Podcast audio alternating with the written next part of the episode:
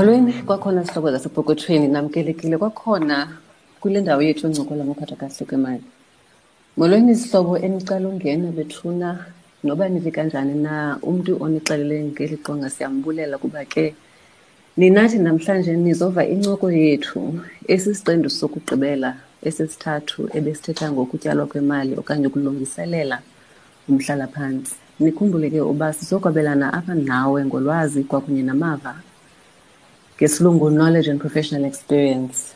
So ndiyathanda ke ukumane ndiyikhumbuza le ndaba yokubana asithethi apha sizi-professional financial advisors.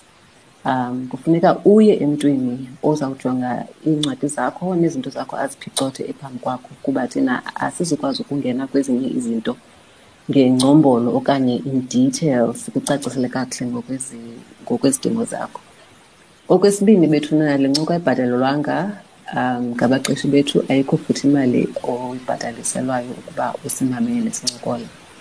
Njengoko nisazi ke udwendwe lethu olubuye kwesithathu namhlanje umnumzana sanele nyoka ceo ye-san group. Cela phambi kuba siqale kutsanele ungene uzibulisa isihlobo kwanamhlanje uh, kule ncoko yethu yokugqibela kule series molweni molweni molweni sihlobo molo sisibabala inkosi ngokundiphinda undimeme kweli qonga lakho lokwazisa ngokubanzi ngezemali eh ngakumbi kweli cala le-pensions. Ndiyabulela kakhulu ukuba ndiphinde ndifumane ithuba lokugqibela.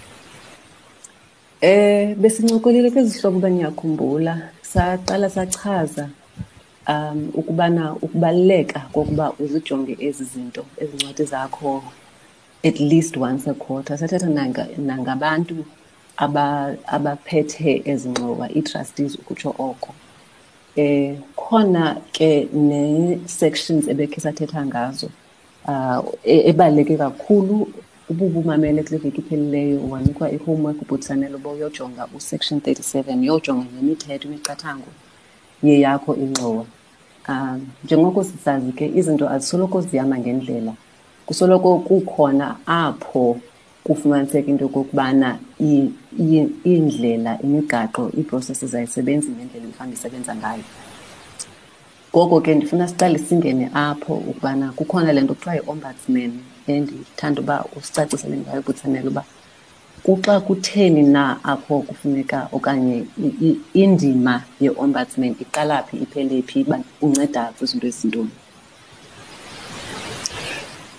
okay ndiyabulela sise i-ombudsman ndingathi ngunozikhalazo eh ingenguye okhalazayo but ngumntu obekwe urhulumente ukuba amamele izikhalazo zabantu xa izinto zingahambi kakuhle.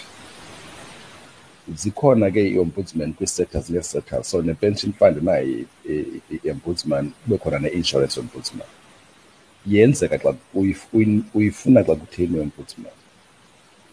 Okokuqala ndiyakhumbula babesithetha ngokwabiwa kwemali mhlawumbi xa kukhona umntu oswelekileyo efemilini kube khona ke ngoku ii-trustees zihlale zidistribute le mali. Ukuba umama ekhaya okanye umama wangaphandle onabantwana bakalotata oswelekileyo njengoba besitshiwo last week akoneliseki ngendlela eyabiwe ngayo le mali aye nakwii-trustees zingamvumeli aye nakumqa singamvumeli angaya kwi-ombudsman afike yacacisa uba isikhalazo sakho sithini na nakwi-inshorensi ngokunjalo mhlawumbi masithi indlu yakho itshile ibi-insured xa uklaima kwi-inshorensi i-inshorensi ikusilise ikunyusa uyakwazi ukubhalela ku-ombudsman utsho uba nazi ii-claim zakho.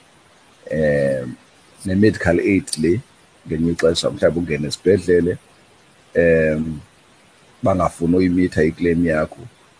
Mhlawumbi omnye umntu ade asweleke kuliwa into ze-medical aid. Abayakwazi unoshekileyo babhalele kwi-ombudsman bakhalaze.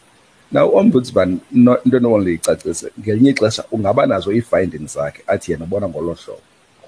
But izimvo zika-ombudsman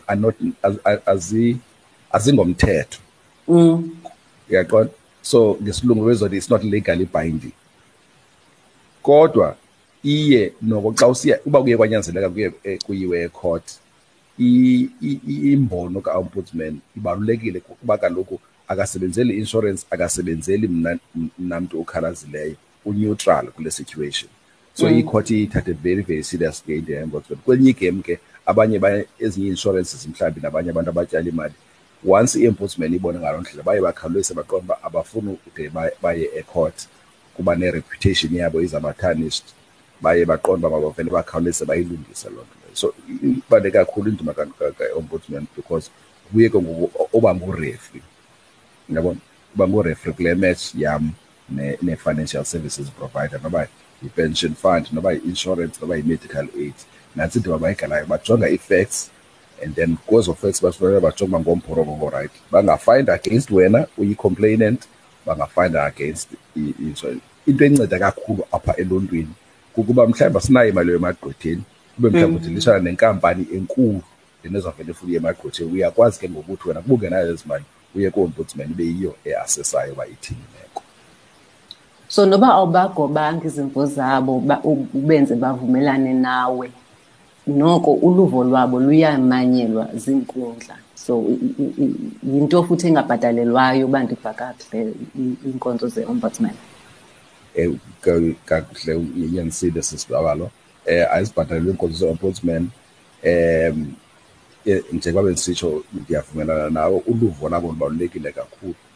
Um njengoba sisiba ngurefri so um kubaluleke kakhulu uluvo lwabo esikhundleni samatyala Oh kube khona omnye umba ke ngoku bendike ndafunda ngawo apha emzukweni wendile nto kuthiwa i-unclaimed funds. Kuthiwa zinyukile. Khona i-forty-seven billion rand yepenshini iimali zabantu ababesebenza ingakumbi ezimayini nakwi-manufacturing sector um ekungaziwayo ukubana izalamane zabo ziphi kuqhagamshelwane kanjani nazo? Buyele ke kwizihlobo le nto besiyithethile kwiziqendu ezidlulileyo into yobana xa ugcwalisa ezaa forms ayo-admin nje kubalulekile uba umane rhoqo uzi-update ukwenzela uba kungakhangelwani. Um ndicinga uba le ndaba ye-unclaimed benefits noko isichaphazele kakhulu thina abantu abantsundu kuba kaloku sithi abantu abanabantu abasebenza ezimayini abasebenzela ndizawuthi um le misebenzi ephantsi ekungathi ngenxa yokungabikho kolwazi okanye imfundo abantu bangayazi into yobana ubhuti utamncu utata ebebhalisile. Um ziyenyuka ezi mali. Andazi noba yenziwa yinto yokubana iinkampani azi-investi i-effort okanye azenzi nako nako ngokwaneleyo ukukhangela abantu. Um umntu osimameleyo mhlawumbi onesizalwane okanye isalamane esakhe sasebenza ezimayini okanye umntu nje athi njengoba simamele amcingayo uba tyhini unoba unemali ekhoyo kwezi forty-seven billion. Singakhe usincokolele uba angaqala njani na kuba siyayazi uba thina ngoku sisasebenzayo. Kufuneka ukuze singabikho kula manani abizwayo funeka siqinisekise into yobana sibhalise amagama abantu esifuna bakhontaktwe xa kunokwenzeka into ngathi ungacebisa ngelithini okanye ukhe usintluvise kule ndaba ye-unclaimed benefits uba sithini kanye kanye xa kuba ngabantu bethu xa ndicinga abaneemali ezihleli phaa ezidingwayo ke phofu ngabantwana babo neentsapho eziseleyo. Yho. Hayi ke ngumcimbi omkhulu lo uzana utheni ucatshiswe ngiba namhlanje?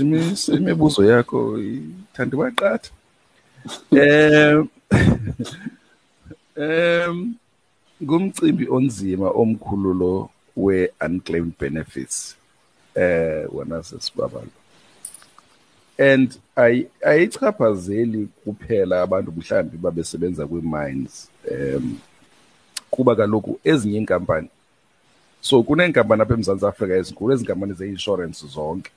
So ii-unclaimed benefits azikho necessarily kweze-pension kuphela.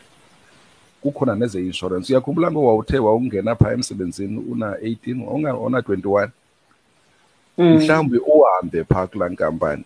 Xa uhamba mhlawumbi una-twenty-six ngoku mhlawumbi ugxothwe ugxothwe ne emsebenzini. So ungabi na-salary for three months. After three months iyalapsa mos i-policy yakho. Mm. but ezaa contributions ubusoz- ubusozifakile phaa they belong to you imali yakho leya so zikhona i-unclaimed ezenziwe ngalo ngalo nhlobo zii-unclaimed benefits on the insurances ne? Uthi na uthi khawuhle ngoku i-insurance thina xa ilapsa ilapsile sentsho uba siyalibala. Akho mntu ka Hayi. icinga uba ziba khona uba especially usocontribute kwi-period ethile ikhona imali eye yakho phaa so that you need to find. Okwesibini masithi wawu wawubhenkisha eh e-absa uxolo absa bantu kusebenzisa masithi ku-bank x mhlawumbe bendingafuna umosha iprogram yakho mm. and then u- ubhenkishe apho us- u- urecruitwe enye ibhenki mhlawumbe uye kubhenk y Mm. ube ungazange uyiclearishe ibhalansi yakho phaa ye-150 rand ngo-1979 nangona ivalwe la account kuthiwa i-account close laa mali seyimali yakho the bank ayivele idisappearishe so there are those benefits ze-banking balances okanye abantu abatshonayo and all those kind of zii-unclaimed benefits ezo ubuyakhumbula again kubantu abathile eh, andisawukhumbula unyaka but ubuyakhumbula iinkampani ezinjengosanlam no-old mutual for ixesha elide zazingekho listed kwi-stock exchange They were- they were- yayizezinto kuthiwa zii-mutual funds Mm. Mm. So wawuthenga ipolisi kwasanlam kanye kwa-old mutual kanye kwametropolitan. Yizathi ke ngoku xa zitshintsha zizawalista kwi-stock exchange le nto kuthiwa i-initial public offering. Mm. wo, kuba iyi-mutual fund wonke umntu owayephaa kulaa kulaa nto wayenezabelo eh because i- uyi-policy holder njengoba iyi-policy holder nje i-investment kulaa IPO njengoba le nkampani izawulista. Zaye za- zazikhona ke i-shares eziconfident so abantu ababene-policies ngelo xesha baye bazifumana either i-shares okanye omnye athi uyaxeleza ke ca- i-shares zibe converted into cash. Abanye abantu bazifumane but bakhona abantu bangango- bangazange bazikleyime ezo yilaa nto shares. kwakuthiwa zi-demutualization Demutual- yeah demutualization of mna shares. ndiyakhumbula iileta zazicela ufika. Yeke now kukhona nezo mali ke abantu ezihleli pha zi- zi- zi- zi- zi- zi- zi- zimali zabo. Kubekho ezi ke ngokuze kuba esi siqendu saso sithi besuku-retire bendifuna ukrobisa nje kwelaa cala uba ayizo ze-pension and provident kuphela zininzi eza eza with- unlike le nto uba mandithi zibize ukuba zi- zi- zii-assets ezi-stranded you know. Ezi assets sifuna ubheka emthatha but zi-stranded eh, edutywa.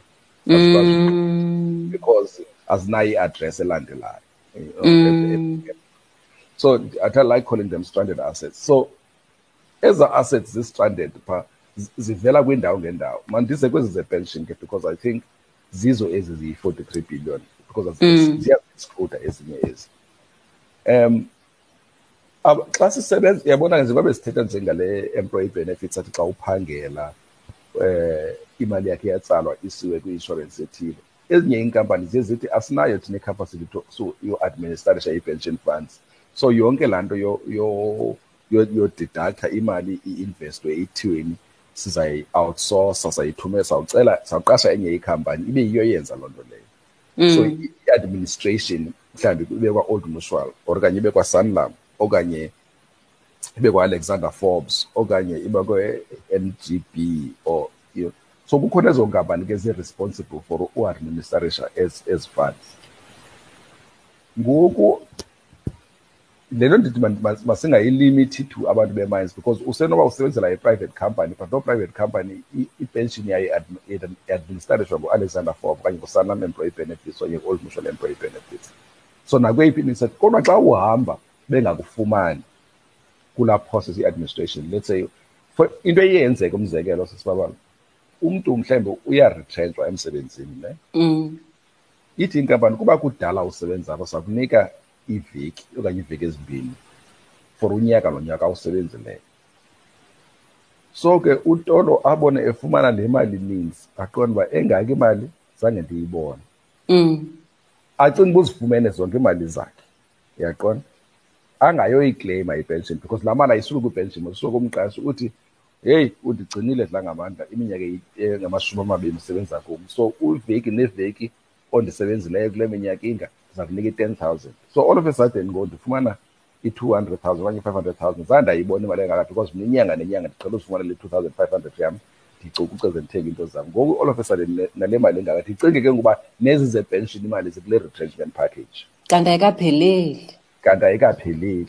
Ndihambe ndiyohlala pha kungabikho nto ke ngoku eh, kuba ke ngoku ngelinye ixesha ndithi xa ndifumana laa mali ininzi ndingunolali nje wasemgqumo ndithathe imali yam ndihambe ndiyothenga igusha ndiyothenga inkomo ndidicide uba ngumfamanyana opha ndihoye ezo zinto.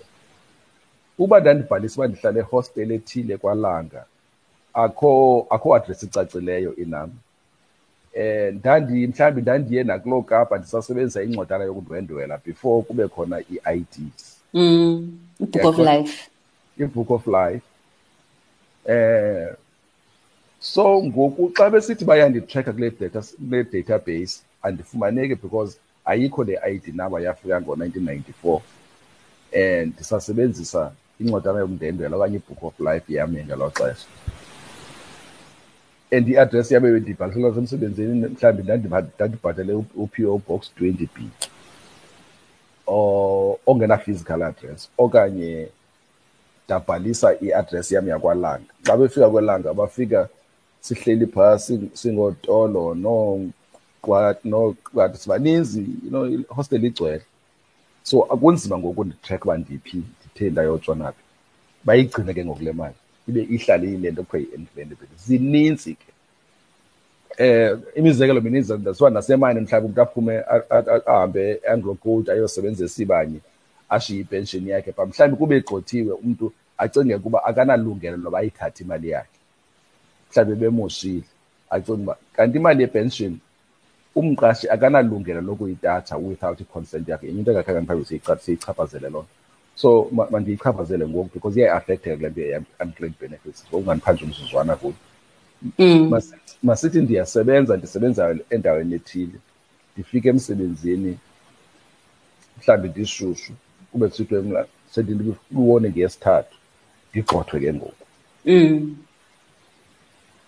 Kuba ndimoshile ngokwam ulwazi ndicinga uba andina-right uba ndifuna ndiyokleyima imali yam because ndimoshile. Ndivele ndithathe iimpahla zam nesuitcase yam ndihambe ndingayikleyimi imali yam. Kanti laa mali bendicontributor towards yona nayo nje akhulule sithi ngo-seven point five no-seven point five bendicontributor and ibiyi-right yoba ndiyifumane laa mali.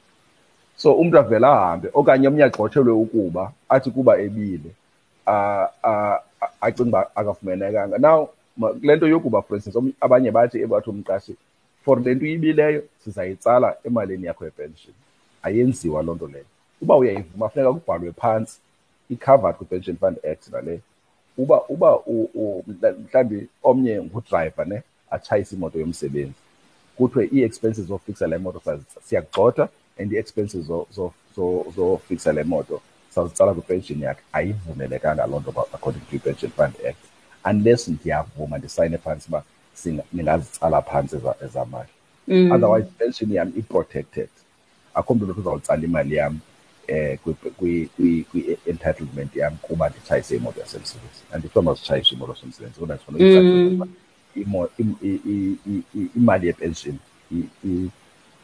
so let's say ke ngokuba ngatsho nabo bazayitsala ndivele kuba nditshayise imoto yasemsebenzini ndizazi uba ndonile ndivele ndithi ngale mini ndigxothwayo ndithathe ibhatyi yam ndihambe ndishiya yonke loo nto apho because ndicinga uba kuba ndimoshile. Andinalungelo kwezaa mali zam ayikho njalo. Yise unelungelo kulaa mali. Uba bafuna ukufanisha bangayitsala ipension yameni kwisalari yakho. Eh leyo kuyawudilisana nayo namagqwetha but yepension uprotected pha uba unokwazi. Andifuni kuyohlala apho ixesha elide. Inyana bethu icacisa uba ezi unclaimed benefits zenziwa ziimeko ezinjalo apho abantu bahambayo emsebenzini bangakleyimi eh banganikezi ii-addresses ezi-correct kube nzima ubatracka zininzi iimali zipha zihleli zonke. Ooalexander fox banezabo bathi bazama ufumana abantu ooliberty oo-old mutual plus ezinye ezi-self-administered fund mhlawumbi ezibuthetha ngazo i-mine workers provident fund eh motor industries nabo bantu ngxaki zonke. Nalapho kwi-government employees pension fund umntu uyafuneka yojonga uba wayifumana yonke na imali yakhe. So inkulu nto uyithethayo uba zininzi ezi mali zingena-address. So into ethetha uba ufuneka umntu osimemeleyo akhe akhe ahambe yonkqonkqoza kuzo wonke indawo wakhe wasebenza kuzo okanye wakhe wanento yokwenza nazo. Noba yazi iipolisi ezindala nje ukuqinisekisa sithina ke sinabo nabazali abadala ekufuneka okanye abanye sebasweleka esingaqinisekanga uba bazifumana zonke na iimali ezasemagameni abo. Uba yi-homework uba ndisebenzisa amagama ukuwasebenzisa kule veki uba kufuneka umntu ngamnye akhaye ayonkqonkqoza anganeli nje ukuya kumqashi aye nasezibhankini aye nakwezi kampani zee-inshorensi nezi zeepolisi abantu abathanda uthanda kuzo uthatha kuzo iipolisi uba ukhe kuyoqoqwa phaa uba akho mali na engaba inceda abantu abasalayo okanye kumntu especially umntu osengekho ngoku. Ndicinga uba usivule amehlo ngale ndlela uyibeke ngayo yobana ingayibhanki ingayi-insurance ingayi-pension fund sentsho la forty-seven billion bendiyifundele ephini ayoyepension kuphela. Sebenzeke lula ke sesibhebha kunyanzelanga noba baye emqashini kukhona iqumrhu elilawula utyalo lwemali ebizwa i-Financial Sector Conduct Authority. Bane-website yabo. Xa ufika kulaa website uyakwazi uklikha on unclaimed benefits. So bangaya ku-fsca.co.za eh bajonge uba ithini na imeko bazawufumana zonke iinkcukacha phaa zo ii-administrators ke zona zonke zinayo itab ethi unclaimed benefits. And bayabuzwa ukhona into oyicingayo uba unemali and then basho bafake i-ID and everything. Now iproblem bathi fake i-ID as if nguwoklemayo kule nto bendiyithetha ke ingxaki uba abanye abantu njengoba usitsho nawe sinotamkhulu noomakhulu eh kunzima ke ngokuba sifake i-dom bus number zabo phaa because i-system irecognize i-ID number. Kodwa ke khona opportunity ubunga-explaina ubhala uba yintoni. So abantu abane abanethamsanqa loba babe nabo babo-understand bobucubhecubhe bekhompyutha bangangena ke phaa. Okanye bathathe abazukulwana abantwana bethu noko nabazukulwana sebezibone ezi zinto. Um babancedise. Kukhona nabantu abebesebenza kwi-TBVC states um kukhona amarhe amane evakala into yokubana ngokuyana kwakudityaniswa ne ne neSiskai kukho iimali ezehla ngemilenze Butsanela andazi uba awuzange ukuve nawena loo mahemhem. Ngoku ke ufumaniseka uba oomama bethu banamathemba anyukileyo ubana kukho iimali ezithile zabo. Andazi noba zinazo zikwezi assets ezi-stranded ubuthetha ngazo. Okanye mhlawumbi zizinto ezinje ezingeyonyani ezithethwayo ngabantu kuba kaloku aba bantu baklema into yobana bayakwazi unceda. Bazawubanceda oomama bethu batreyise ezi mali makugalelwe imali ethile apha kubhatalwa amagqwetha kuyiwe epitoli kurhulumente ngezi mali ze-tbv states andazi nokuba wozange ukuyive nento enjalo. Hayi sesibabala zange ndiyive into enjalo. You know ndiye ndiye ndibe mathidala xa abantu bazawuthi xa bezawukunceda ufumana imali yakho bakubhatalise ngaphambili so funeka singabantu sizilumkele ezi nto zi-scams as well. Andithi uba si-scam le but funeka into ibe ne-credibility. Batsho uba kutheni le. Nto abantu abafuna unceda abantu kodwa bafuna ukubhatalwa ngaphambili ndithanda uba mathidala so hayi senditsho uba ke sisibabalo kule ye-unclaimed ayinidi noba ude uyomelwa ngabanye abantu. And into onozenzela wena wedwa because ezi khampani ziyafuna uyikhupha le mali. Mm. Eh that's why beyifaka nakwezi websites zabo. Eh kwenye igame ndandikhe ndasenza ngekhampani sayithi sayoqabela komalusikisiki sibhalisa nasemahholweni sayatshona komelisuthu sikhangela abantu ezababhatala so eh kuyaxhomekeka abantu into abayenze ngoba bangathi indlela uba behleli bengenayo imali besokola baphinde kube khona into abazawufika abantu abathi ababuze zona uba uhlala ezilalini uba ayisuki enkosini okanye ebhodini sibuze imibuzo. Mm. um you know so andifuna abantu bethu bathi ukuba besenza izinto ngokuba mhlawumbe abanye abantu abamamelele izinto eh, ulungiselela bona ba-end up bezi-victims ze-scams. Um so abantu funeka bavunde So ezi nkampani zizawuthetha nam uba ndithi gqi ndisithi ndinomama ndinotamnci okanye uba ndi- ndifowuna ndihlele nomama notamnci azidingi kude kubekho igqothwa elithile kuba ziyayazi uba le mali yimali yabantu. Senditsho uba abafuni kude bekhona i- i-middleman. Ndifuna siyicacisise kakuhle le nto ngoba yeyi izinto ziyenzeka apha phandle. Abantu bayakhutshiswa imali kuthiwe siza kunceda ukuyogqogqa imali yakho e- e- e-P_P_P hayi hayi sisi akukho nto ifuna isagqwetha apha. Ukuba uthi wena sesibabalwa utatomkhulu wakho wayesebenza eshell uneproof noba yi-payslip yakhe yokugqibela na um ufumanisa uba imali zakhe zange ziphume. Baba nayo indlela yokuya kobuchophochopho bekhompyutha bashiwa hayi utamkhulu nonkenge waye waritharisha ngo-1979 wafumana i-100 pounds. Eyabhatalwa ngedate ethile babe nabo bobuchophololo so uba bakubonisile u- u- njengoba njenza umzekelo ngoku kusasihamba mhlawumbi sisiya komalusikisiki nakolo suku waye babekhona abantu babeza bathi hayi utatam wayesebenza e-anglo gold. Si- si- siye kwikhompyutha sithi ke ewe siyambona utatomkhulu. Wayesebenza wasebenza ngalo nyaka wayotsho ngapha. Nantsi imali yakhe wayifumanayo ngemini ethile. Eh nantsi imali yakhe wayifumanayo ngemini ethile. So ayisekho imali yakhe. Yaqonda Mm. aze omnye.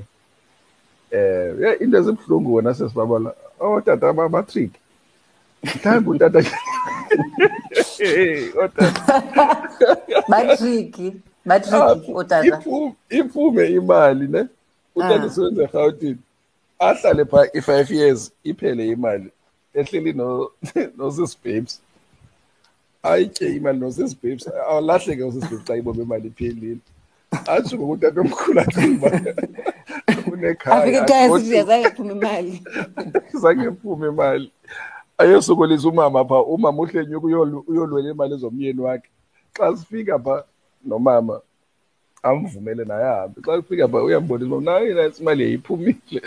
Um yabhatalwa ngemini ethile yaphula ngemini ethile na- nazi imali ngeyiphi lo uyifunayo so so uh, that's an aside but ibalulekile into endifuna uyicakisa akho need yegqwetha um uba unayo i-proof. Oomama ndiyabazi bagood kakhulu kwi-record keeping i've seen this like so umntu uba naye noba yikopi ye-i d noba abantu basenza ezimani kumntu kuthiuba makhulu scope um uba uyazi kabantu abantu basebenza emine but inamba yakho especific um oyinikwayo xa ujoyine imine um abanye kwezinye iindawo ke uba ne-employee number zonke zonke ezo records ziyanceda in actually tracking uba iphile mali yayibhatalelwe sange bhatala Mm. siyahleka kodwa ziyenzeka ezi zinto. Um ndiyathemba uba ke nokuba siyahleka bethuna siyaqhula. Njengoba nje ndithanda ukuthi bhala sihlobo njengosimamele nje uba ube noko uyakhanyiseleka uyayibona le nto siyithethayo kubaluleka kokuba wena ezakho izinto ziqoqosheke okanye ukuba unorhano loba utamnci usomnci umama phakathi njalo njalo utatomkhulu phaa efemelini uzazi into mawuzijonge. Ulumkise futhi nabanye ubana singahambi abantu bekhala be- be- ngoba ke asinongayithethi into yokokubana kwilizwe e- esiphila kulo njengoba uvuke emsebenzi ekuseni uyophangela abantwana bakho bakhona abavukayo bona bezophangelela ukugqebhana nawe bangene epokothweni yakho ngendlela ongayaziyo and ndifuna sidlulele ke kulo mbandela besisathetha nge- nge-regulation 28 ye-pension fund act butsanele sathetha nge- ngento yobana ngumthetho ongaphezu kwemigaqo yazo zonke iingxowa ezizipension nepen- ne- ne-provident fund. Sade senze umzekelo sathi ifana ne-constitution. So ii-trustees funeka ziqinisekise into yokubana imithetho ephethe iingxowamali ingqamalana ne- no-regulation 28 now eh kwixesha nje elingadalanga edlulileyo kukhe kwathethwa ngento yokubana ilimit ye-fund nganye eh enokuwelisa imali ngaphandle kwemida ye-South Africa inyuswa usuka ku-30 ya ku-45 percent.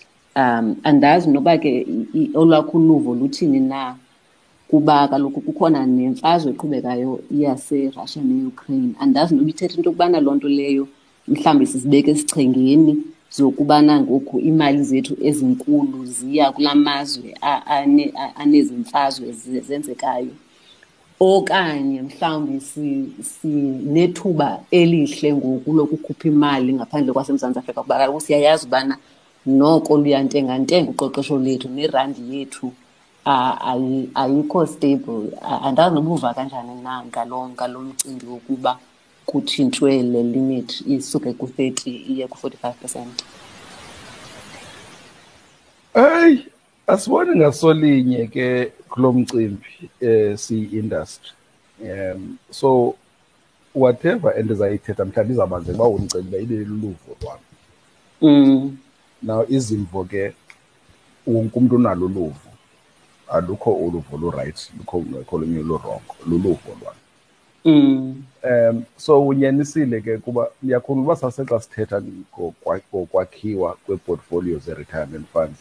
Sathi kuba khona izabelo okanye ii-shares okanye ii-equities Mm. kube khona ii-bonds eh kube khona ii-properties izakhiwo kube khona imali yona ubuqule ityalo ebhankini enzela uba xa umntu eritarisha ibe ibe ibe, ibe available ukukhala nge-liquidity uba funeka kube khona ii-assets ezi-liquid which means ezikwaziyo uba sibe sibhatalele Eh. now phaa kwi-pension fund act ndanditshilo uba um i-maximum limit ye-equities ku-65 percent. Awukwazi ukuchitha ku-65 but kulaa kulaa 65 percent uyakwazi uba ne-combination okanye ukudibanisa i-local ne-international equities.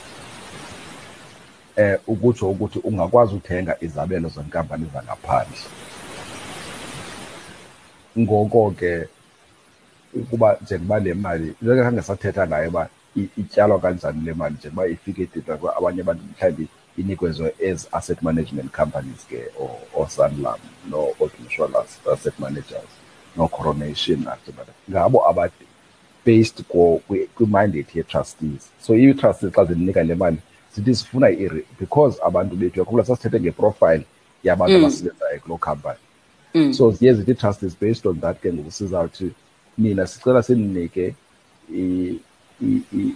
i-CPI consumer price index plus 5 percent okanye bathi plus 10 which is yi-return ekumele uba noba beyenze ntoni ngaloo mali but they must make sure that i-performance yabo is at least within that mandate Mm. Okanye ifika abanye kulaa target kulaa target yaqona Mm. abanye ke kuthiwe kubo they must batracke as long as betracka i-JC they are fine now u-regulation 28 ke phaa within that bekune-limit uba how much can go overseas and how much must be invested here ya ya le increasiweyo ke ngoku.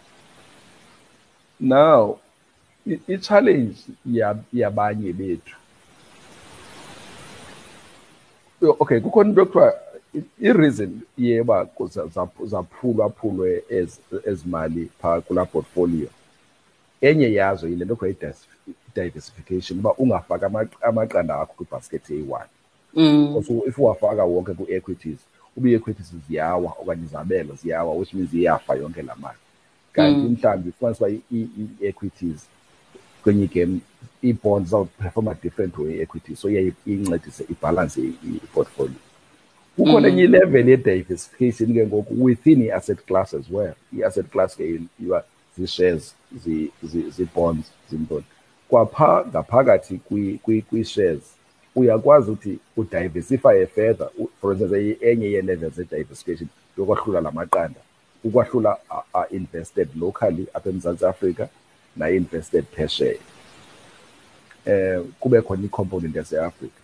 Now i- ingxaki ke sometimes kukuba singaba Afrika siye sicinge ukuba into zaphesheya zingcono kweqithe zethu. Mm.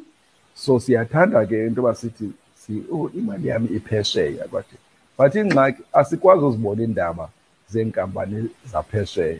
So sixhomekeke kwezi companies eziranwa isikakhulu ngabantu abasuka kula macala. Ngoku so basibasele esi story basithengisele izikelembe bafuna sisibhaye Si- Ngamanye amagama. exactly. Yaqonda ngoku mna xa ndilapha emzantsi afrika ndiyazi uba imali yam mhlawumbi i-investiwe old mutual. Xa kusithiwa kuya kuyaliwe old mutual i-ceo iwa ne-board member na ndiyakwazi ukwenza idecision uba yeyi ndicela ndiyikhuphe imali yam kulaa nkampani because isezithivini every day. Ndicela ndiyikhuphe imali yam kulaa nkampani. Kanti uba imali yam ikwa-a t and t uba kuyaliwa kwa-a t and t soze ndiyibhaxe because ayizuripotwa ifayida kwa-a t and t mhlawumbi ku-e-news okanye ku-s a b c okanye i-dispatch. So andi so ndixhomekeke ngoku ku- kwimeko yabantu aba- aba- a- endingazaziyo.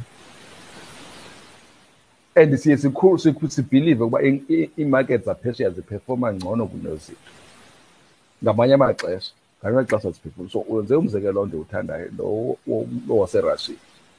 Ngoku ieurope yonke ayise- ayonto yaserussia ne- ne-ukraine ngoku le nto. Ieurope yonke ithe dyobho kulaa kulaa mfazwe. Kulaa mfazwe uba ke ngoku u- uzawuthetha neportfolio manager yakho mhlawumbi ubuze uba emadoda kulaa offshore portion yam iz- izithini indaba? Uza mhlawumbi uzawuxela uba hayi kaloku you must remember ku-equities si-investor for the long term. Izawugqitha le mfazwe which inyaniso emsulwa le.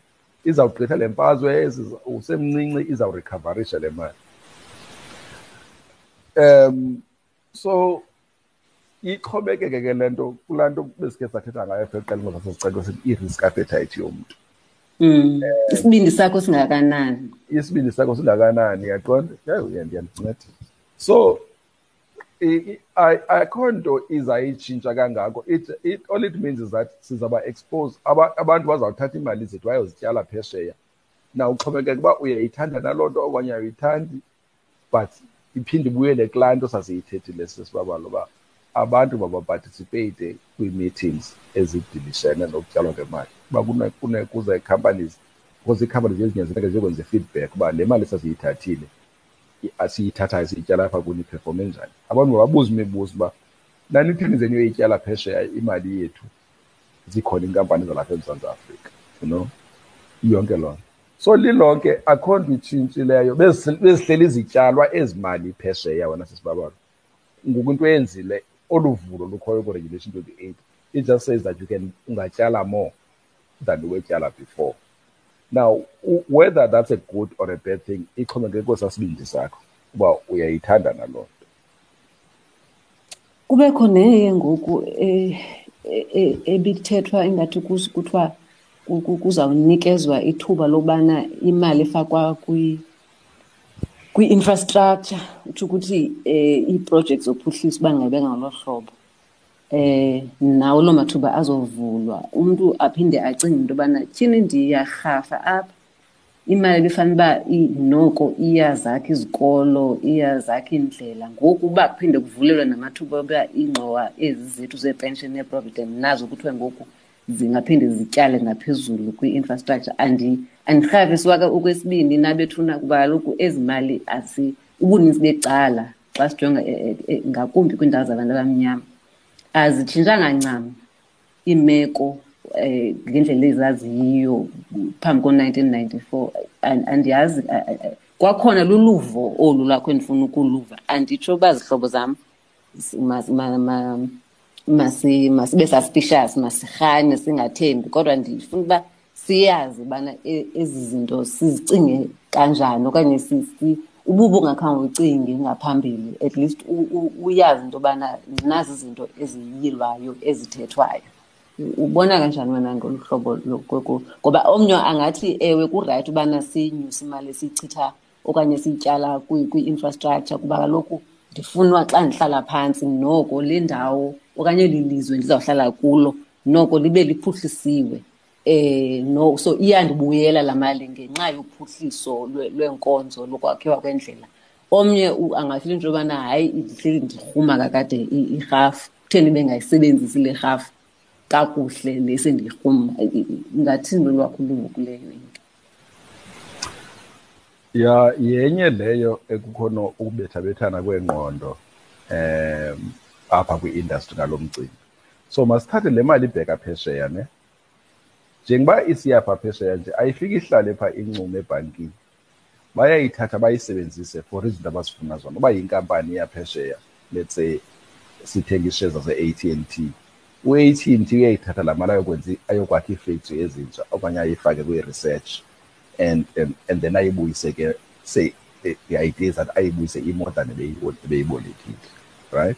So that's the economic return. So yonke into yenzayo the reason imali ityalwa kuba ibe ne-economic return. I-economic return ziirandi uba bendiboleke bendi-investe i-hundred rand ibuya seyi-hundred and fifty rand. La mm. fifty rand yi-return mm. now eyona nyaniso is that ubombi bethu ke abukwazi umanejwa i-economic return kuphela. Kukhona uluvo olukhulayo olubizwa ukuba i-social return. Ukuba njengoba imali yam ndiyityala yenza ntoni for ukulungisa i-society as large? So mm, uluntu. Uluntu uyaqonda so imali yam xa ndizawubana ndiyifaka ko-A&T nako-Old Mutual kuphela ba-investe kwii-properties zabo bathini. Kodwa mna xa ndibuya ndifuna uzohlala equnu. Now i-challenge endinayo ngele economic return only. That's mna ndifuna ukuthi mandiqale mandizideclare uba ndiyayisapota le nto ye, ye, ye le nto buyithetha i-investment kwi-infrastructure masithathe umzekelo eh kachawe uchawe uyahamba uyosebenza eGauteng. Mm. eshiya pha eh ekhaya unkosikazi nabantwana nefemeli yakhe yonke extended. Mm. asebenze. Utshawe xa efika ku-board meeting yena uthi ndifuna i-economic return. Akho mali izawunikezwa abanye abantu apho ndifuna i-hundred yam yam ibuyi-hundred and fifty rand. Asebenze ke lo minyaka abuye nale million rand ayohlala nayo pha ungutata omdala ngoku unesifuba eh zimkhobozile mines xa ke fika eh umntanakhe usafunda kwesa sikolo wayefunda kuso yena uchawe mm. Akho laboratory kodwa uyayazi nje ngoba bepha emine nje bedla ngobani okusuka into ezithile zisiwe lab akayazi noba kwenzeka ntoni pha lab so umntanakhe naye usekulaa meko wayekuyo ngoku wayekhula. Njengoba engaphilanga nje funeka ye kwagqirha ikliniki ekufutshane is 50 kilometers away. So funeka ehambile utshawe elixhego enjalo aye kude. Uzawufumana uzawufumane uncedo. Akho nto itshintshileyo iigusha zakhe zisasele emlanjeni njengakudala um kusalayitwa amakhandlela njengalaa ndlela ekhula ngayo. Kodwa imali yakhe ibididakthwa every month i-investwa emazweni nakwii-private companies kuphela. Kanti ndithi mna ngokokubona kwam imali ye kule nto yorhafu masibuyele kule nto yorhafu ndizozidibanise nakweliphi na ilizwe sesibabs imali yerhafu ayikhe ibe enough ukumitha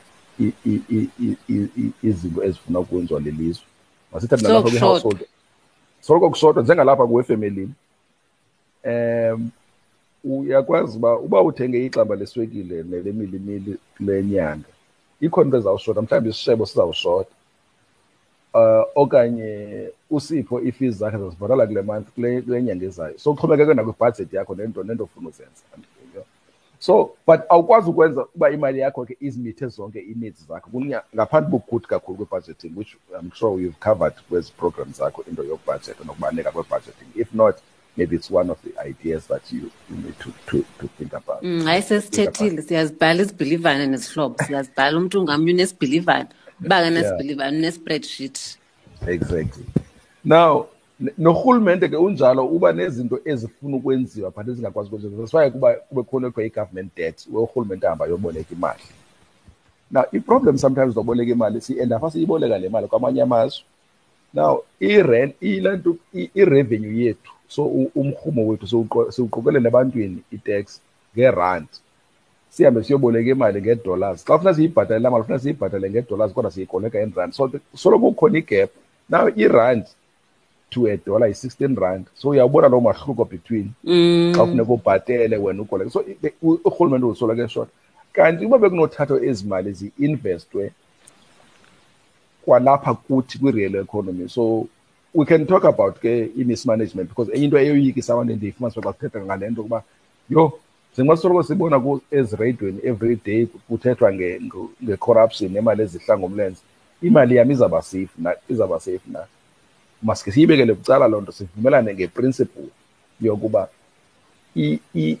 uku-investa makube broad ungaconcentrate on uba ndizawufumana imiliyoni ezawuthi xa xa sendigodukile ingandenzeli into because iindlela zonakele. Kanti uba as part of i-investment ibikwazi uba kuthiwe um sawuinvesta imali ethile kwi-road infrastructure uh, and then mhlawumbi uba izawuba yi-toll i-retirement fund for every ten rand etsaliweyo kulaa toll gate i-three rand yi-return yalaa pension fund.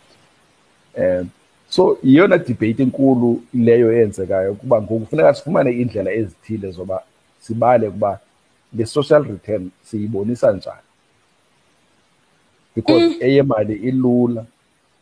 Eh ngumba endi-interested kakhulu i-research yami i-based kuwo. Uh, generally there's something called there's so ikhona le invested in infrastructure then kube khona kuthiwa yi-impact investing uba how do you invest for impact? Uba xa uinvesta ungainvesti nje ufuna imali ibonakale into oyenzayo nge-investment yakho because xa utyala imali awuyityaleli nje ukuba kukhule impokotho yakho. Uyityalela noba nendawo ohlala kuyo kubonakala uba ikhona into oyenzayo. Hayi kuyavakala. Yisession yodwa leyo sesibabs ewe ewe hayi. Ndithi kodwa mandiyiveze kuba kaloku si si si si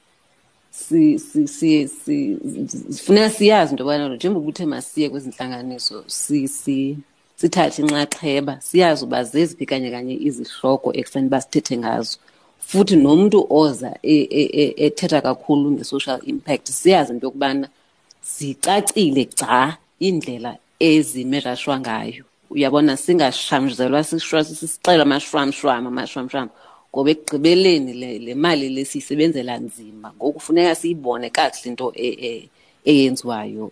Okanye ke uba umntu uyaziqonda uba yena hayi i-social impact uzake akaphinde ayibone ngenye ithuba kuba akhethe le nto ubuyithetha ye-economic return. Ayazi into yobana xa inyukile laa mali yena uzazibona uba uzilungiselela kanjani eyakhe ilali okanye esakhe isitrato uh uyabona ezixelela into yokubana makhabe isima le ye-social impact kuba sentsho uba luluvo nolo umntu anokwazi ukuba nalo. Kodwa ke ndiyayiva uzawubachazela xa sesizivalelisa abahlobo uba le research yakho mhlawumbi umntu angayifumana njani na. Kodwa bendingafuni uba singayithethi um enye into endingafuni singayithethi yile ye-two bot system eh yona ke ingathi ngokokwazi kwam ayika ayikavunywa. I-two pot system ke zihlobo yile yokuba kuthiwe siyayibona into yobana uyasebenza iminyaka ngeminyaka. Unale mali unale pot oyigcinayo yokuba uthi xa uhlala phantsi ikuncede xa sewulixheko nexhekwazana ubhutsanela uthanda uthetha kanjalo.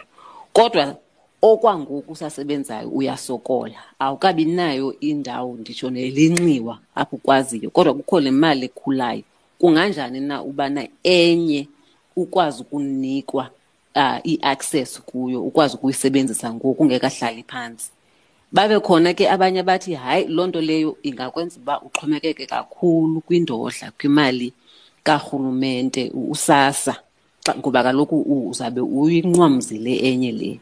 Abanye bathi kodwa ke yeyiphe engcono into yokokubana ukwazi ukufumana inxalenye yale mali kwangoku usasebenzayo kuba kaloku nguba noyazi into yobana uzawuphila ude ufike kule kule minyaka yokuhlala phantsi mhlawumbi le mali ngoku seyizawutyiwa ngabaseleyo wena ungakhange wena mntu uyisebenzayo ukhe uyive zithini izimvo okhe waziva mhlawumbi okanye wena ukweliphi icala butsanele kuleyo nengxoxo yho yho hayi shem ucaphukisile mntu ocaphukisileyo namhlanje. Imibuzo yakhe iqala.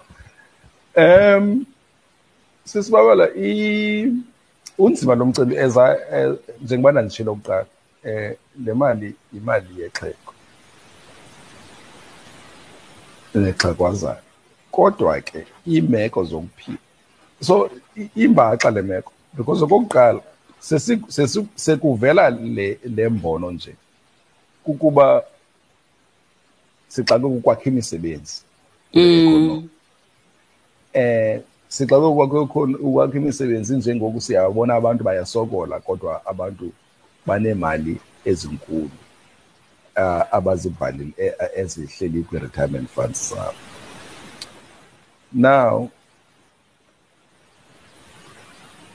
i-debate kukuba ukuba awenziwa lo mnyenyevu abantu into abayenzayo ngoku umuntu uyaresigna kuba efuna i-access to la mali yaqona ibe worse ke ngoku okanye no, not no resigner because uyaqona mos singabantu abantsundu. Ifemeli yam ayindim dodwa nonkosikazi wam nabantwana bam. Kukhona nabanye. So xa xa unkosikazi wam ephelwa ngumsebenzi iyashrinka mhlawumbi i-income yalapha ekhaya zibe ii-obligations zona zingashrinkanga. So ngoku into eyenzekayo ke ngoku umntu aqonde uba xa endele uba ndiyise kwi-preservation fund le mali ngondisaphelelwe ngumsebenzi. Mandivele ndiyithathe yonke. Ndiyidinga ngoku. Ndiyidinga ngoku. Ingxaki zibiza ngoku. zibiza ngoku. And vele ayithathe xa ithatha yonke ke ngoku ivule la laa ndima yoba avele ayothenga iquantum ayothini ayothini yaqona so i-argument ke ngoku for le le le le, le two bucket system is to say umntu xa isengxakini makavumele uba angathetha imali up to so much. Akwazi noko ukwenza izinto ezithile ezizaba different to ukuba ngoku ebezavela ayithathe yonke. So so abantu abakweli cala le-two bucket system but i-experience xa sisenze research i-eighty percent yabantu abatshintsha imisebenzi umntu xa itshintsha umsebenzi uyithatha imali yakhe yonke akayipreserve. Xa ingayipreserve ke ngoku iyenza loo nto uba aendaphe mhlawumbi kumsebenzi wakhe wokugqibela esebenze only i-ten years which means ipension yakhe incinci because every time etshintsha umsebenzi yena uyayikhesha uyayikhesha kanti uba sifumana le bucket system abantu bazawupreserva but uyayazi uba njengoba enala fund pha angathi xa isengxakini afumane ipisi yayo akwazi ulungisa loo nto afuna ukuyilungisa ngelo xesha.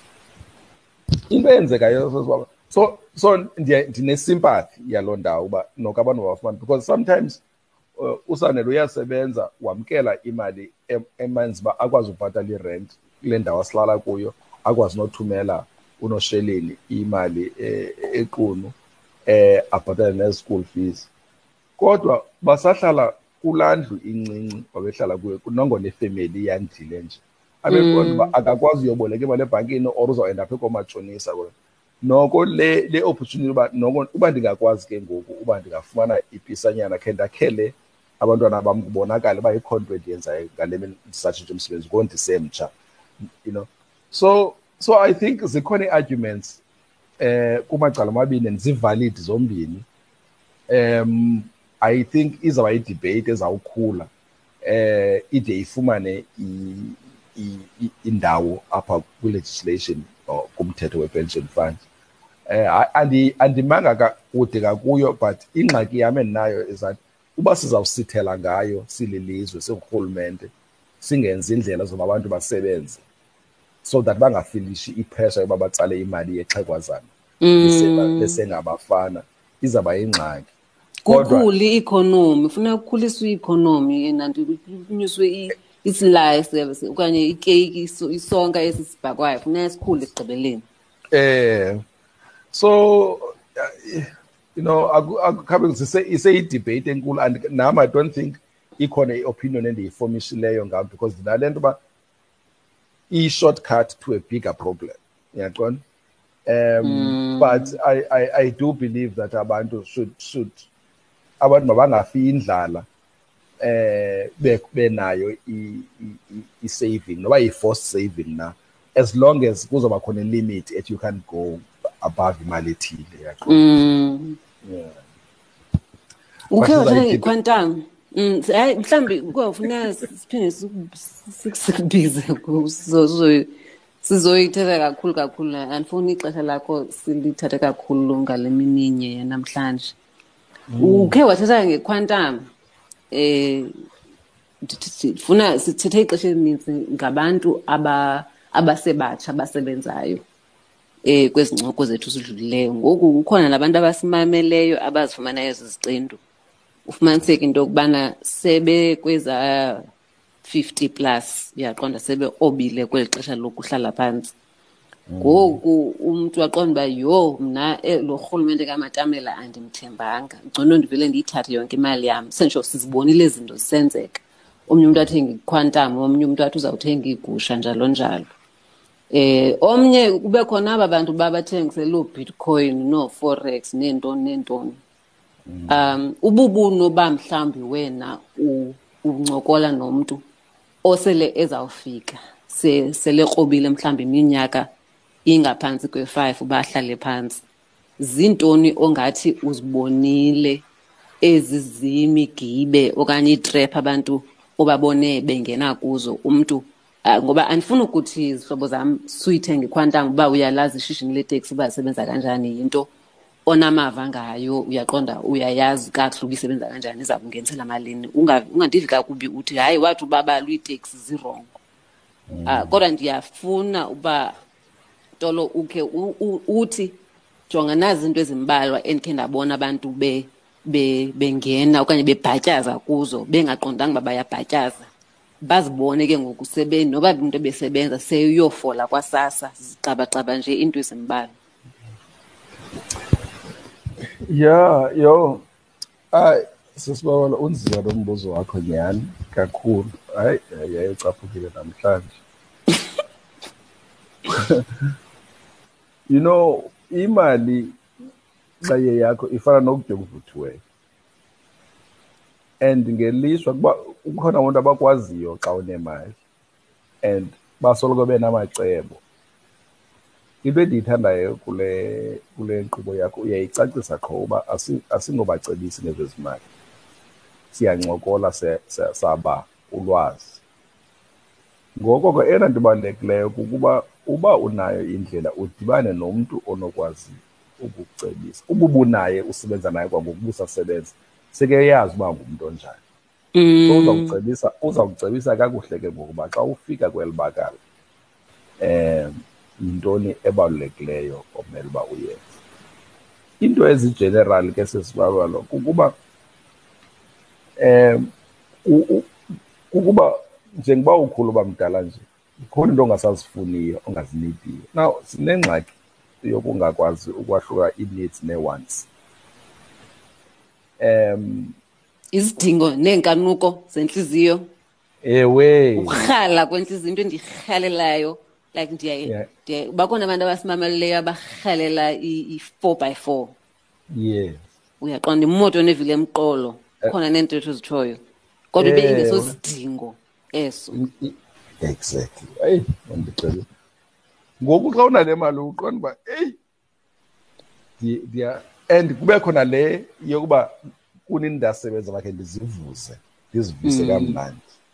Ayikho valid ayikho invalid naloo nto yimbono erayithi so ukuba ke ngoku ukuba le mali enye yeengxaki ezinkulu ingxaki entle ne uzandincedisa apha kwi-life expectancy. Kuba kudala abantu babelindeleke ukuba umntu uza umntu ongutata uzophila iminyaka eminga umntu ongumama uzophila iminyaka eminga but ngenxa yotshintsho kwiteknoloji nendlela esidla ngayo eh nojima nontontoni nezinto ezithile ezenzekayo abantu baphila more than they they used to in the past. Mm. so i-life expectancy so wena xa uthatha umhlala phantsi una 63 ungacinga uba wena hayi noko sendikufutshane ngaphambili mandiyitye ndiyigqibe le mali noko eh, in the next 10 years ndizawufa. But ngenxa yendlela zokuphila ungaphila ude ube na-90 ngoko ke xa ufumana le mali uyifunayo fanele ucinga uba njengoba ndikwi-retirement le mali yam izandilasta kangakanani na. Ngoko ko xa ufumana la annuity naxa ufumana la 33 percent kuthiwe le le ungayi-investa uba yo uba yo um defined benefit. Funeka ucinga uba uzayi-investa kwindawo enjani because usenoba conservative usithi hayi ndimdala andizukwazi uba imali yam ebane-affectwa ziimpi zaserussia and therefore ndifuna uyifaka kwi-bank account ibe kwi-cash i-problem is that ke ngoku ayikhuli imali yakho xa ihlele kwi-cash njengaxa investile so nangona uso uthathe umhlalaphantsi indlela oinvesta ngayo mayikucingele into yoba especially uyayazi nempilo yakho that ungahlala enye i-thirty years after i-retirement. Mm. and awufuni ke ngoku usukulisa abazukulwana nento yoba babondle wena kodwa wawusebenzile. Because nabo baneengxaki zabo bakhulisa babo bantwana baneengxaki zabo. So kodwa ke size kule nto yeequantum netractor negusha ayizo investment ezibhede uba uza uba ungena kwinto oyaziyo. So uba uza uba uzoinvesta imali yakho kwishishini lazi ishishini ongena kulo ungathi heyi ndibona into zobani ngathi ziphila kamnandi nam mandingene. Ube ungakhange wenza research ungakhange wajonga uba iimali zithini. Baninzi um ndinee-members zefemeli ezineeteksi isikhalazo sinawo uba iiteksi zininzi kokugqitha abantu endleleni. Mm. Ngoku i-return eyayifunyanwa ngoozizi ngoba beqala le business 20 years ago babonwa bebahle benemizi emihle ngenxa yeteksi akusafani ngo because umntu bonke abantu babona oozizi bonke bafuna uthenga iteksi ngoku iiteksi zininzi kodlula abantu Mm. Akusafani, akusafani imali ezenzekayo. So ibhizinesi ziyatshintsha. Um imfuyo. Xa uzawuqala uthenga imfuyo funeka uyazi uba awuzithengi nje eziguzo uyazi uba ukuba uze uze ukwazi ukwenza imali ngazo funeka uyazi uba ziyasezwa eh ziyaditshwa and zonke izinto zikhosta imali. And funeka ngeke une-security because khona namasela azawufuna so uzazikhusela njani kuzo zonke ezo nto ezo. So noba yintoni oyenzayo qale ukhe wenze ndine-research nangesintu uphando. uphando. Uphando ngoba le xa ndizawufaka imali yam ndithenge iigusha eziyi-hundred izawuthini ifeed yazo ewinter? Because ebusika zizawusafarisha because um ingca inqabile izandikhosta malini kule, kule mali yam. Xa zinezifo ndiza kwenza njani zonke ezo zinto ezo.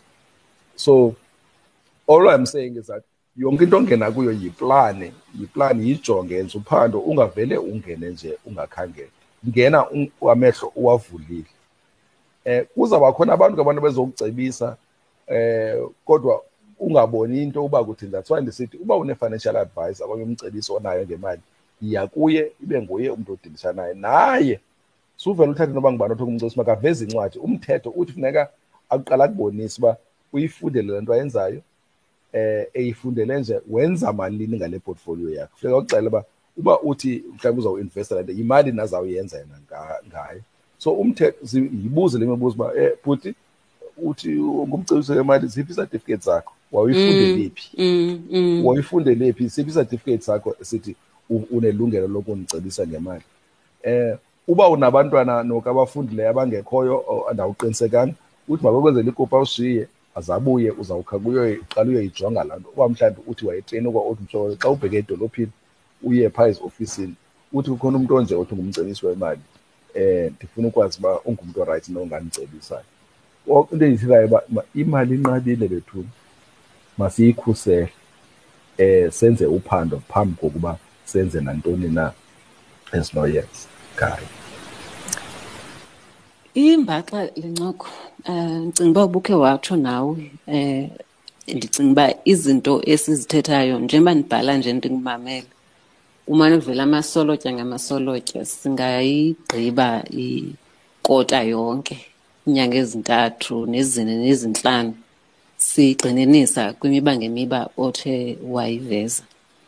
Kodwa ke noko um andifuni ixesha lakho siliqwenge lonke namhlanje ukuba ndiyathemba uba ngenye imini xa ndiphinda ndiqonkqoza ndikumema busanele noko awuyujonga kwezinye icala um ungaphinde unoko uvume ukuzokwabelana nezihlobo zethu ngolwazi ngoba sifunde lukhulu ngelixesha ngezi veki zintathu ozichithe nathi um ndicinga uba noko uthethe wagadlela kodwa ke mandikhe ndikunikeze ithuba ukuba ungathanda uba izihlobo ziqhagamshelane nawe abafuna uncokola nawe khona iwebhusayithi onayo akhona amazwi okugqibela phambi koba ndivalelise ofuna ukuwashiya nezihlobo zethu namhlanje. Um okokuqala bandibulela kakhulu um you know ngelinye ixesha ucinga uba into uyayazi apha unyanzeleke apha ndithile unyanzeleke uba uthethe ngayo. So nam le mibuzo yakho intenze ndacinga nzulu um ndivuyile kakhulu uba ndibe nexesha lothetha nabahlobo. Um iwebsayithi yethu ngu-www sen hyphen group co za. Ungasi-emailela ku-info at sen hyphen group co za. Nangoluphi na uncedo olumalunga ne-retirement fund um esinokunceda ngalo. Okanye uba ufuna inkampani yakho ifuna uncediswa mhlawumbi for ukutreyina ii-trustees uba ubhilonga kwi-pension fund and ubhilonga kwii-trustees zenu azikhona siyalenza uncedo uncedisa ii-trustees uba sikwazi ukwenza umsebenzi wethu umsebenzi wazo kakuhle. Um yeah and um xa usibhalele sawukwazi ukucacisela nangezinye iinto esizenzayo for i-industry. Banoba sincokole ngento ngendaba ezimnandi zomhlala phantsi nkosi kakhulu masibonele kwixesha elizayo zihlobo. Siyabulela ngoba uphinde usiboleke indlebe namhlanje.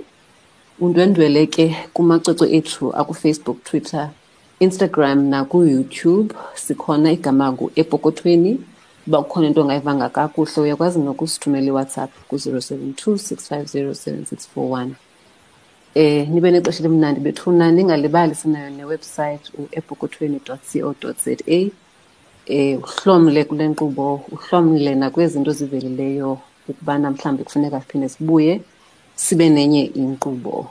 Um sicacise ngakumbi. Kube nexesha elimnandi.